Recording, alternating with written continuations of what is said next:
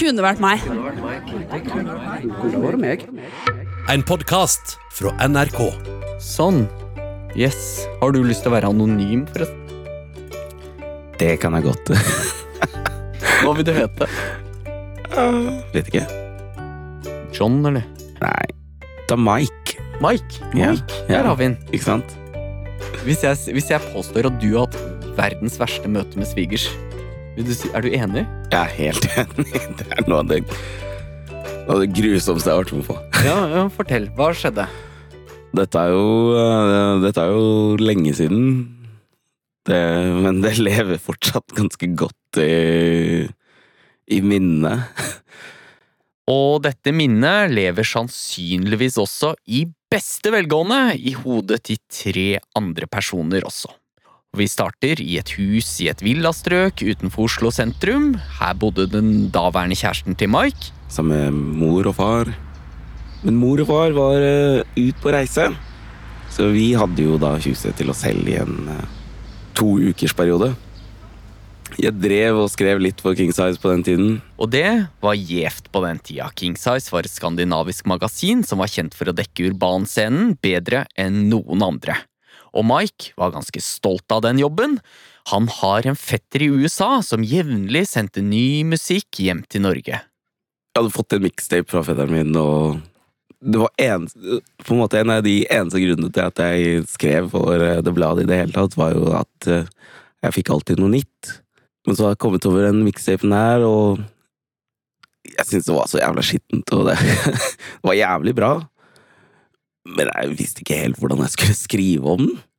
Så jeg hadde bare utsatt og utsatt og utsatt, og så bare, ja, ok. Fått fra redaktøren at nå må du sende inn, og så jeg måtte jo sitte og høre, tenkte jeg. Nå skal jeg sette på, på full på anlegget, og skal jeg sitte og høre og skrive ordentlig om det, da. Da må jeg høre det godt og høyt. Og det er sommer, det er strålende sol ute. Mike sitter i sofaen og prøver å finne noe fornuftig å skrive. Kjæresten ligger på divanen og kjeder seg. Mens jeg og da, da dama da hadde huset for seg selv, og Og unge, kåte Så vi begynte å ha oss. Det Mike og kjæresten ikke visste, var at foreldrene hadde bestemt seg for å avslutte ferien to dager tidligere enn planlagt.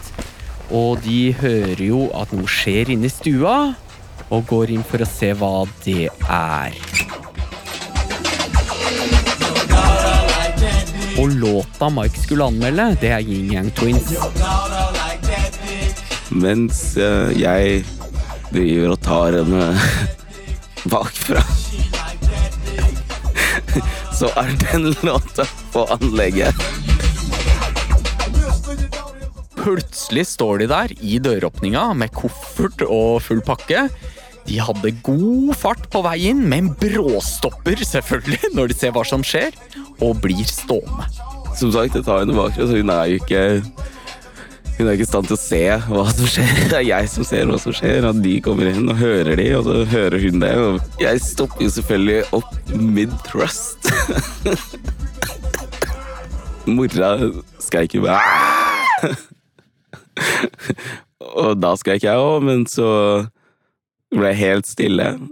Faren hennes, direktøren, stirrer på Mike, og hvorfor han blir stående, det er jo bare spekulasjon, men ut fra hva han sa etterpå, kan det være at han følte at han ikke nødvendigvis vandra rett inn i intimsfæren til dattera, men at han rett og slett bare vandra inn i sin egen stue, og at det var han i sin fulle rett til. Og Mike står der, like stille, og det hele utvikler seg til en merkelig standoff. Det er ingen måte å redde seg ut av dette her. Det er Jeg står med da med, med kuken inni dattera dem, så jeg kan ikke trekke meg ut heller. Fordi Fordi da, da, da, da da, da måtte, jeg, jeg er jo allerede blotta meg selv for dem, men, men da, da blotta jeg meg enda mer, og da, da skulle du få se kuken min nå, da. Det, jeg, jeg, tenker, jeg tenker av en eller annen grunn at, at det blir verre. Å, herregud. Jeg tenker at det blir bare sånn, jeg må bare holde meg inne, og det blir helt stille. Og, så, og vi står og bare ser på hverandre. Så vi står og ser på hverandre mens jeg holder på på, på, på kjæresten min og bare Noen må gi seg her nå. Men jeg sitter fast i det og tenker at jeg kan ikke gi meg. Og hvor lenge det varer, det er det jo ingen som veit, men sekundene gikk utrolig sakte. Og så trekker jo de seg ut. De har jo kofferter og hele pakka.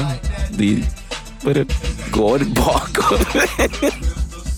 Uten, uten å kutte blikkontakten, som var det jævligste av alt.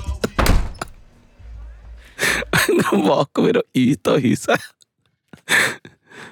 Å, herregud, så de rygger ut De rygger ut. med øynene satt på deg. Ja. Oi, oi. Men snakka, vet de, snakka, de, snakka dere om hendelsen igjen, eller snakka de med dattera si om det, eller? De snakka med dattera om det. Jeg tror ho ho hovedpoenget der var at uh, ja, ja, vi skjønner at du er voksen, men dette er vårt hjem. Greit nok om det skjer på soverommet ditt, vi, vi kan ikke Vi har ingen måte å hindre deg fra å gjøre dette her, men uh, nå må vi Nå må du betale for en ny sofa. Blei det normalt igjen noen gang? Det blei normalt eh, åtte måneder inn. Da brente jo bygget jeg bodde i. Gården jeg bodde i. Da fikk jeg bo hos de, da. Da begynte det å liksom normalisere seg litt. Ok, så det som skulle til, var rett og slett bare å henge masse, og så gikk det over, altså? Ja, det Men det var fremdeles eh, ganske Ganske, ganske kleint veldig lenge. Tusen hjertelig takk, Mike, eh, for at du tok oss med gjennom denne ekte historien. Og jeg så på fargen i ansiktet ditt, du ble jo helt rød på at det kosta noe.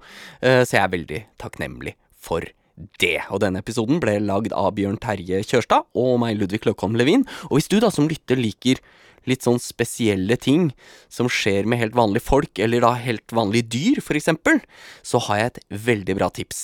For de fleste spekkhoggere bruker livet sitt på å svømme rundt og spise sild og andre byttedyr. Men Keiko gjorde ikke det.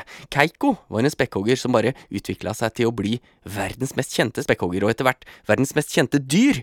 Og den, hans livshistorie er samla i en P3-dokumentar som heter Gåten Keiko, og den anbefaler jeg på det varmeste å høre.